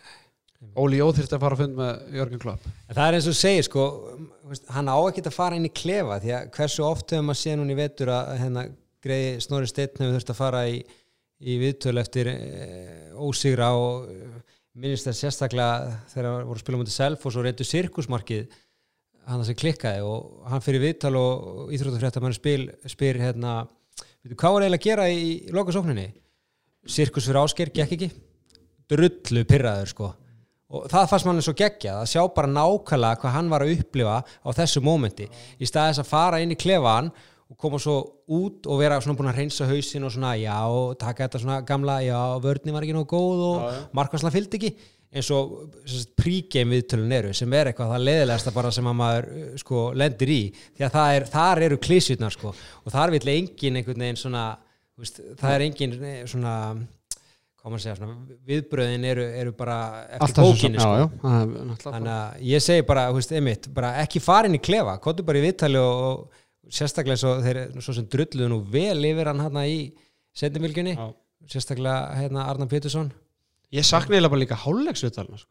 já, Var það ekki hjá Rúf? Voru það ekki Jú, komin- ég fór einhvern tímann í, sérstaklega í byggar það voru úrslitum við hérna áður svo auknir fast okkur ekki alveg koma nógu mikið út úr þessu eða þú veist Nei. út úr þessu við tölum En það gæti alltaf gerst að það var einhver Nei, það var líka eins og þegar ég fór einhvern tímann í þetta þegar hann var aðstóð Dóra hérna með F-fólið þá sendi hann mig bara í hálfleiksviðtali. Ég var eins og algjör rækja hann að maður vissi ekki neitt, það verið miklu betra að fá bara Dóra sem var algjörlega með puttun á púlsinu sko. Það reyndar að var orðið svolítið að þetta var bara aðstafþjóðleitin að mæta en ég meina í Norðurlöndunum sérstaklega í fótboltinu þá eru bara leikmenn bara mættir í viðtöl í hálfleik. sér núna landsleikinir hérna um daginn Ísland Svíþjóð Já. Svíjarnir eru bara grimmir, þeir eru með leikmenn í, í hálfleiki í viðtölum og meiri þess að sá ég á HM í janúar þá var, eh, mann nú ekki hvaða sannska sjónastöð var með réttin á, á því móti þá voru þeir bara með hérna fréttamann fyrir aftan bekkin og alltaf þegar Kristján Andersson var búið með leikliðin þá mætti aðstóðþjálfarinn í viðtal til þess að útskýra á mannamáli hvað var, þú veist, hvað Kristján var að segja í leikliðinu sko. Það er, það er bara tíu sekundum og bara, þú veist, ekki í mynd sko, en bara fréttamaðurinn bara held á mikrofónum og bara, já, við erum að tala um það við ætlum að reyna að loka á þennan og, og fara veist, Er það ekki eitthvað sem Rúf þarf að gera fyrir næsta stórmáti? Já, nú bara HSI sem að þyrfti að samþykja svolítið, sko. Hverju er alltaf að HSI? Af hverju ekki? Já, frábær sjónvarp. Ég það. Náttúrulega boltin er á endanum alltaf hjá, hjá liðinu sjálfu og þjálfurinn. Það spurði hvort að sérfræðingunni sem fari ekki bara í máli og, senda á Róbert Gigg Gíslason. Herðum, uh, valsarnir með að komna á flugu tveir sigurleikir í, í röð og, og svona nokkuð auðvelt prógram framöndan. Síðasta leikurinn, það fyrir við Savamýrina eða, Sambamýrina. já, Sambamýrina, hvað segir Gústi Jólta, hérna, Djúsmýrin Djúsmýrin. Herðu, fram, eh, fram káa í svona, hvað, fjagra til sex eða áttast eða leik hérna og og snemma á tíðanbörinu. Framvarnin alltaf, hvað, voru með tvo sigurleiki fyrir þennan leik í röð, fá þarna káa svona nýbúin að senda Tarik Kasimovins heim en allt fyr, fór fyrir ekki og, og hérna. Káamenn fór á- með Sigur Holmi 27-25, 14-10 yfir í hálfleik. Ekkert endilega mikið sem vilja ræða þann leik en alltaf tíðindin er alltaf Tarik Kasimovins, hann er fann heim. Já, sem að var eiginlega besta príkjum viðtal sem ég séð lengi því að þar spurði hún bara reynd út hvað hann væri og hann sagði mér farinn en það var gaman að hérna, Hver svara fyrir það? Steppi eða Jonni? eða- Jonni fór í það viðtal og, var ekkit að færi neitt feluleik með það en þessi leikur var bara svona já, var bara líka frekar, frekar sérstakur sko, maður svona einhvern veginn bjóstu því að framararnir myndu eftir þessa tvo góðu sigurleiki bara einhvern veginn svona ég ætla ekki að segja kannski bara að fara auðvöldlega í gegnum þetta en, en, en samt svona en svo var þetta bara Stöðuleikinn og ekkert besti vinnu nei, nei, og þeir voru líka bara að klúðra bara, vorum bara með svona bara kjánalega tæ, tæknifeila Framar, þeir, veit ekki hvað var margar tápa bólta í þessu leik? Ekki hugmynd. Hraðaspurning. Ég- já, ég myndi- 17. já, 17 Það er klapp á kjela eins og við kallum educated gisk 17 tapa bóltamar Þorgunum Smára með fjóra, Andri heimi fjóra Stefán Dari fjóra, aðrir minna Framarðir eru náttúrulega bara með hauga flottum varnamönnum en eins og ég sagði hérna veginn fyrir þetta það vantar bara rosa mikið upp á í sókninni þar er bara tokki potturinn á pannan ef hann er ekki í stuði og er hvað, var hann ekki með átta mörka eitthvað í Sjö þessum mörk úr leik? 11 skotum. En þú veist, ef hann er ekki í stuði þá er þetta bara rosalega erfitt sko. Já, en bara töp, töpu bóltarnir náttúrulega bara og þetta voru líka eins og ég segja þetta, þetta er ekki svona tapaði boltar eins og í svona spennuleika sem að hérna, það bara gerist. Þetta voru var eins og sjá svona krakkar kjánalegir snerta og Harpiks í fyrsta skipti. Þetta þetta var svolítið þannig sko.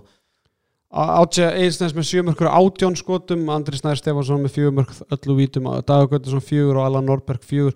Skemmt að klikki Allan í, í hraðaplöpunu í tómt markið, bytt í slána Bjarni Vikkos næst í fyrir. Patrik Stefánsson í, í frákvæstina, það var aðteglisvert uh, Strákar bara svona áður við sleppum Tarik umræðinni hvað er Ká að spá að það- hver er pælingin á baku það að henda honum? Vendalega bara ekstra kostnaður eins og þessu sem sögðu held ég bara. En er það í alveg skýringin? Þeir eru með tvo aðalþjálfara er, er, er ekki báður á launum? Er, er, er, ekki, er ekki Jonni líka? Jú, jú, þeir eru báðir, en ég meina, þú veist þeir, þetta var svona að þeir ætlaðu að taka næsta skref á þetta tíðanbilið, ég meina, jú, jú, Tarik hefur ekkert verið frábæri og hérna var, Það er bara að búa eitthvað til, ég menna, var ekki steppi að þjálfa allar þessar selfising í yngri flokkunum, Jonni er náttúrulega heldur betur búin að sína það, bæði hérna með kvennalið og líka bara yngri flokkaþjálfun og út í Nóri og náttúrulega er það ekki bara málið, þeir eru bara að fara að búa til eitthvað hérna? Jú, líka bara eins og í þessum leik þá eh, bara söknuður hans ekki neitt sko. Hann var hann að, hvað er hann, Patrikur? Já, Patrik Stefansson hann er bara búin að vera mjög góður í, í síðustu tveim leikum hann var þetta ekkert frábæri í, í þessu leik en, en en hann svona, veist hann, hann er allavega þarna að vera að gera sitt sko. Tvo leikjum átta veist. mörg hérna, Já. 16 í þessum tveimur. En líka kannski svona til að verja þetta alltaf, hvern, hvernig er sóknarleikur Káa með Tarik? Voðalega svona svona að vera stilt, stilt upp fyrir hann og það snýst allt um hann og fríkast og það bara stilt upp fyrir hann hann að það er ekkit fra- fallegasti handbóltinn sko en að kannski var það eitthvað sem hérna hafði áhrá á þetta Kannski eru þeir líka bara að hugsa, nú er ég bara að hugsa upp átt, kannski bara losaði mitt eitthvað launakostna og býða svo bara sjá, þið farið í úrslutakefni, er kannski málið þá rétt áður eða þegar kemur að henni að í einn í, það er bara rétt ára klukkið lokar áttur bara svona köruboltastæl þeir eru allavega þann möguleika, kannski bara alls ekkit pælingin hjá þeim, en það er allavega möguleiki. Já, þeir geta gert þannig fyrir hérna, eftir 15. umferð eða skilur klukkið lokar aftur 1. februar þá er Já, 15 eða bara geta nýtt í janúar og, og svona eiga að skoða mm -hmm. þá markaðin, sko. Já. Hérna KM náðu þarna í sigur og eru konum með sjö stig í áttundasæti fara upp fyrir framaran sem er í, í nýjundasætinu með sex stig það verður svakalega leikur tölum um þá en stjarnan fram í næstu umferð Já, það verður stjarnan allavega með mjög mikið blóð á tunnónu fyrir þann leik og, ef þeir vinna þann leik ekki er það ekki bara að fara að hittna undan undir rúnar eða? Þú meina hvort það kvikni í honum Nei, ég heldur að þetta ekki, að það ekki kallitan og menn bara sallar rólegir hérna. Vökvan Nei, ég meina, come on eitt sigurleikur í átta leikjum Þetta segir maður að sé ekki orðið heitt undir rúnar eða Hver byrður á hliðinni? Dóri Fúsa? Já. Nei, nei, ég er bara að nefna eitthvað sem er lausu sko, ég það ekkert um það en, til dæmis. Já, en ég meina, þú veist, hvenær sáum við hvað höfum við séð á síðust árum marga þjálfara látna taka pókan sinn á miður sísón Alls ekki margir. Sverre í, í, í hérna fyrra. Aðtilsverð það. Já, sem var mjög aðteglisvert sko og menn var í rauninni bara óvænt. Hvað, þú veist, það hefur ekkert verið mikið á síðust árum sko. menn hefur kannski verið að hætta eitthvað svona, þú veist, Jón Kristjánsson eitthvað að og, fekk svo bara eitthvað jobb um áramót og, og, og fór í burt og eitthvað, en menn hefur ekkert verið mikið reknir á, á miður sísóni bara því að það kostar svo mikla peninga og það þjálfara markaðurinn er ekkert svo- ekkert það mikið að munum á lausu sko. Er, sko, stjarnan á fram í næst bara tökum þessu umræði hérna. Á fram í næstu umferð. Svo fá þeir FH eða farið þeir í krigan, fá val í heimsókn fá IBF í heimsókn fara í Mósesbæin, fá hauka í heimsókn. Skil, þetta eru leikinni fram að jólum Já, en þú veist, stjarnan er samt með þannig manna lið að, að þú veist, þetta á að skipta henni máli. Þeir þurfa bara að fá sjálfströst og, og þeir vinna fram og þá geta þeir bara farið inn í þessa leiki alveg 50-50 sen, sko. Já. En þráttur að, að rúna sig frendi minn og allt það, þá bara ég trú ekki öðru en að sé smá fara að hitna þess undir sérstaklega er vinni ekki fram í næstu umferð. Er ekki, er ekki Kalli Danriki með það? það? Jú, hvað heldur þú? Stjórnar öllu þarna sko. ég held að hann sé bara... Hann opnar húsið. Hann, ég held að, ég held að hann bakki rúnar upp, sko. Já, já, það er bara vonandi en ég meina það, það er samt eitthvað breytingar, ég meina rúna það líka er sennilega hugsa sinngang, ég meina er hann að ná til leikmanna eða þetta er náttúrulega, þetta er ekki fjölnir fram káa ír jáfnvel er ennþá með, er með lélegri hérna liðið en, en stjarnan og sig, eitt sigurleika múti háka fjölnir fram eða tap múti fram bara ekki, ekki bóðlegt, ekki bóðlegt allt í lagi, ekki gott Herru, hérna við þurfum ekki að fara meira yfir djúsmýruna það er nokkuð Kili, Nei, nei. þú hefur nú kannski viljað sjá aðeins betri hérna á félagskiptaglöganum sem var Já, já, það er bara, þetta er bara hvenna liði sem er, er, er okkar, okkar aðalið þarna, sko. Þannig að við erum ekkert að, erum ekkert að stressa okkur. talandi um hvernalið Siggi Braga hafa með aðtækksvört viðtala í morgunblæðinu hvað í, í gær eftir hvað 90 marka tap gegn val það sem hann segir bara hvernarsport er að verða hundleðilegt og vitnar þá í, í handbólta, fótbólta og körbólta sem er uh, tvö bestu liðin allstaðar uh, hann uh, já, vitnar líka það náttúrulega Sandra Erlings og Díana segir að þessi þrýr, þrjára eigastelpur í Já, ég er búin að hugsa þetta er hann að tala um Örnu. sig. Er hann að tala um örnu Það reykja til. Andra. Gunnlaugsdóttir, náttúrulega varamark með vals það ok. þriðja ég maður ok, þá var þetta komið var samt ekki þegar Arna sig fór í, í bjófar, þá ekki eitthvað nætti ættir að reykja eða hvort að ammenn og afi eða eitthvað svolítið. Það var eitthvað, afennur átti heimar og sýstrinnar býr þar og náskild honum hérna elliða þá getur hún alveg haft Já. örnu sig inn í þessari púli. Já, ég, hann er bóttið að meina hérna. Var náttúrulega líka markmaðurinn hann sem var í fram í fyrra. Hver er hún núna? Erla, hún er bara Já. þar líka. Í fram. Já, Já, bara þriðja, annar Já. þriðja mark já, en bara þessi umræða, hann hérna hann segir, það eru þrýr vestmenningar í valsliðinu, alla mjög góður og myndu nýtast okkur. Þetta er hundlegelt og hvernarsportir að verða svo leðilegt þetta er í fótboltanum og körunni. Það er alltaf öll leið í uppbyggingu, við erum í uppbyggingu núna um leið og einhverja geta þá eru þar farnar eða þær geta eitthvað þá eru þar farnar það er ekki hægt að ætlast til þess að þetta sé rosalega skemmtilegt en það er tveir ústildilegir í fótboltanum breðablik valur, í körfin er þetta valur káar og svo er einu leikinni sem skipta máli í handboltanum er þetta fram á valur.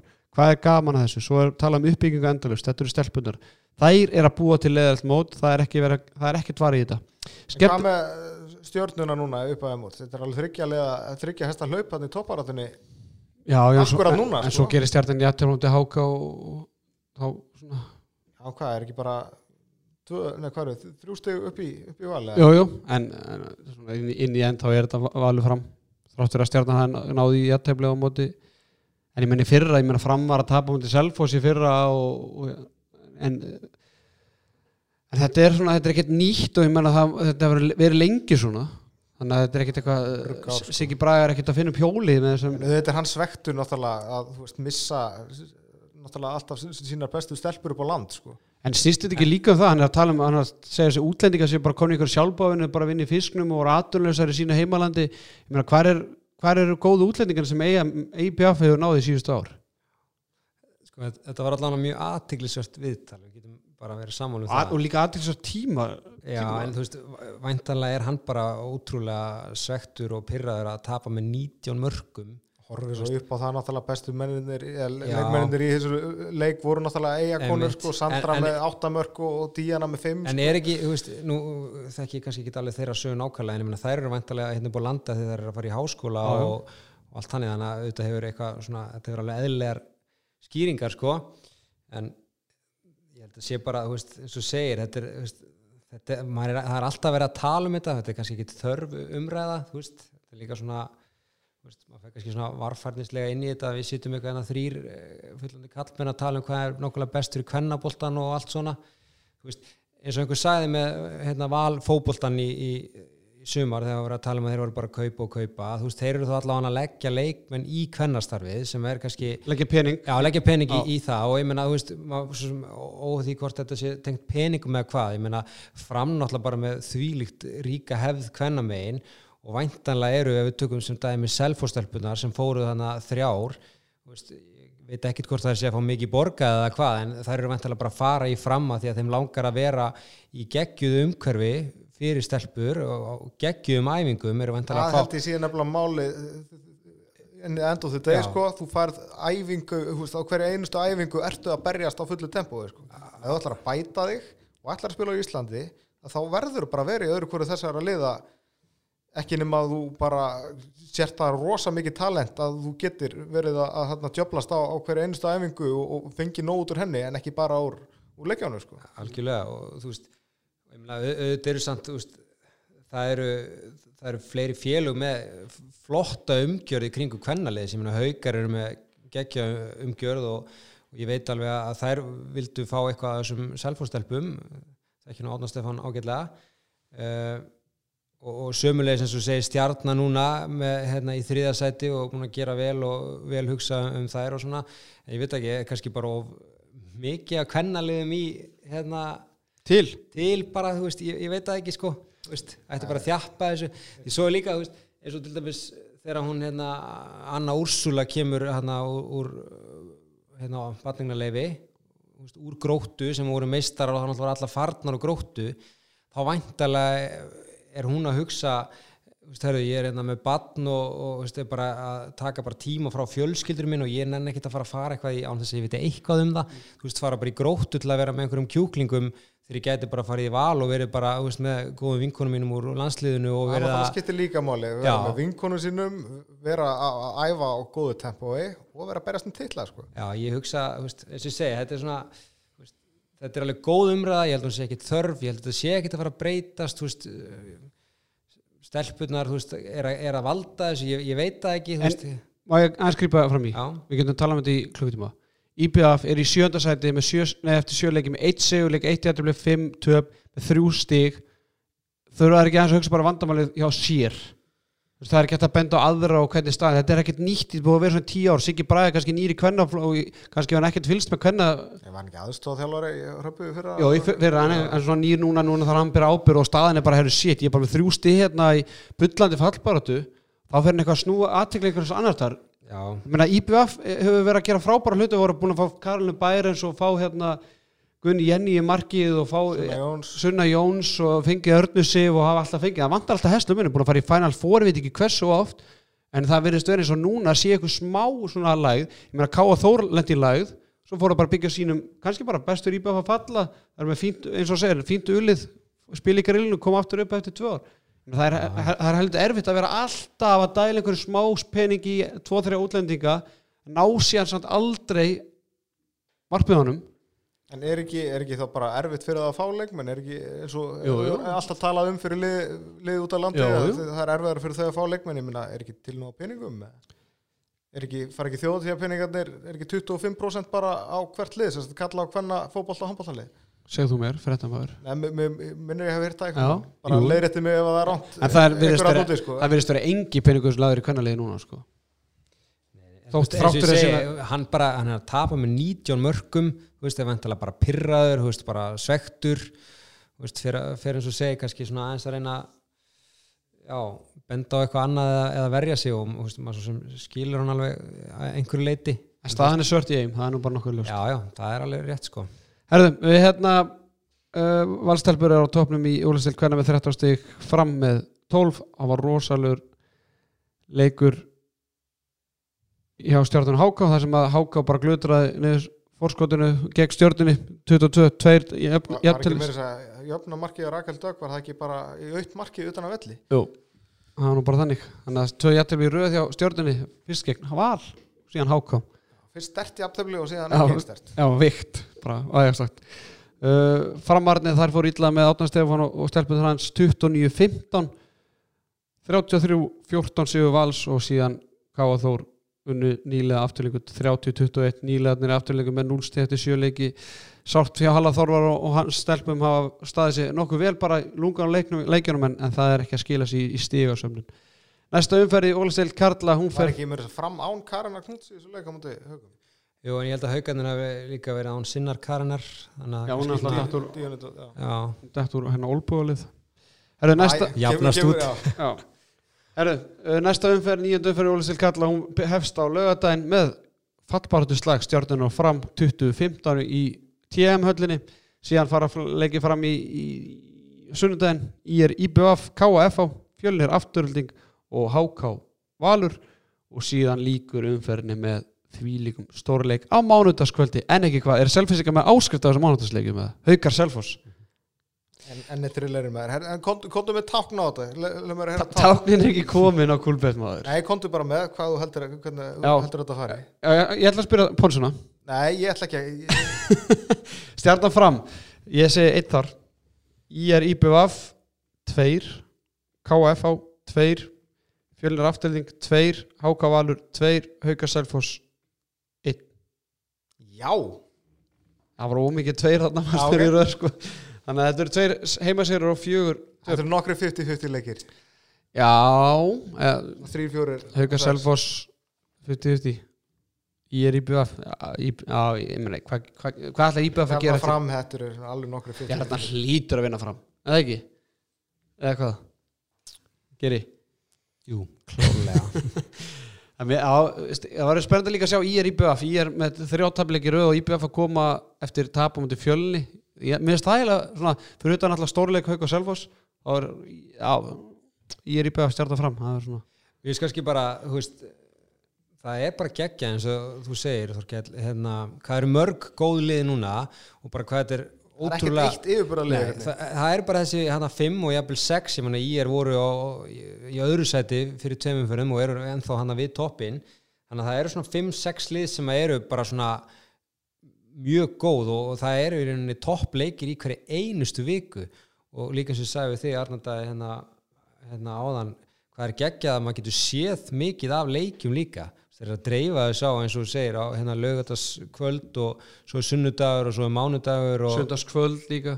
Já, þannig að hérna, maður, maður Það sér sér mikið Alfreð að sem er að ræða þessu svona ég er bara stórt trós á, á beint frá djúbóði Beint að sér að, já, stór þrós á sér að Alfreð. já, bara, stjórnum sport er að sína þrjáleiki í næstu umferð stjarnar fram KF og Hauka Selfoss IR IBF og IR TV já, og líka bara einmitt með TV-in sko, þetta er bara, er bara gegja sko Já, heldur betur. Herðu, við erum konir í 72 mínúturnar hérna, þannig að þetta, þetta er bara komin langlegin í gáðan handbóltaleg. Strákar, takk hjá fyrir komin að Þorkild Gunnar Sigurbjörnsson og Ásker Gunnarsson, sérfræðingunum þakkar ykkur fyrir hlusturuna og við heyrumst að viku liðni.